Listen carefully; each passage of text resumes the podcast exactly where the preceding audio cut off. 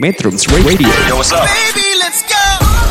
All that you can have, boy. Got me spread like a buffet. Bon night. Now they always say congratulations. Come on, strip that down for me. I'm on my way. Girl, come on, strip that down for me. Yeah, yeah, yeah, Metrums. Radio, media terintegrasi kaum muda. Assalamualaikum warahmatullahi wabarakatuh Sobat Metronom Kembali lagi bersama saya Muhammad Iksan Kamil Kali ini saya akan membahas tentang sejarah singkat kota Bandung Kota Bandung bermula dari legenda Sang Kuryang yang menceritakan bagaimana terbentuknya Danau Bandung dan Gunung Tangkuban Perahu. Air dari Danau Bandung, menurut legenda, mulai mengering karena mengalir melalui sebuah gua yang bernama Sanghyang Tikoro. Situ Aksan merupakan daerah terakhir dari sisa-sisa Danau Bandung yang telah kering.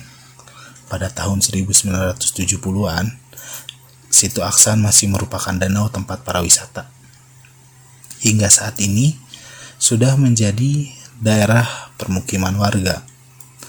Kota Bandung secara geografis memang terlihat dikelilingi oleh pegunungan, dan ini menunjukkan bahwa pada masa lalu, kota Bandung memang merupakan sebuah telaga atau danau.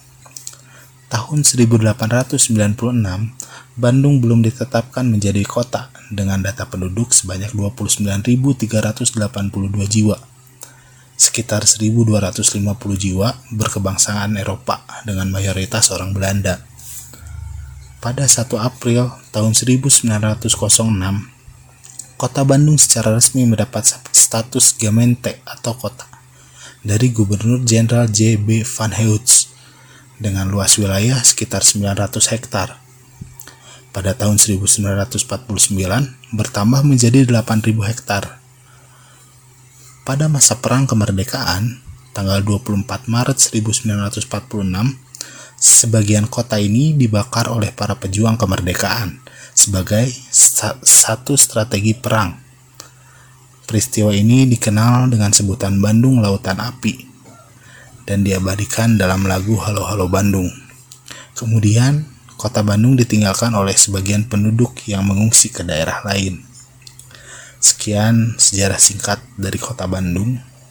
Terima kasih.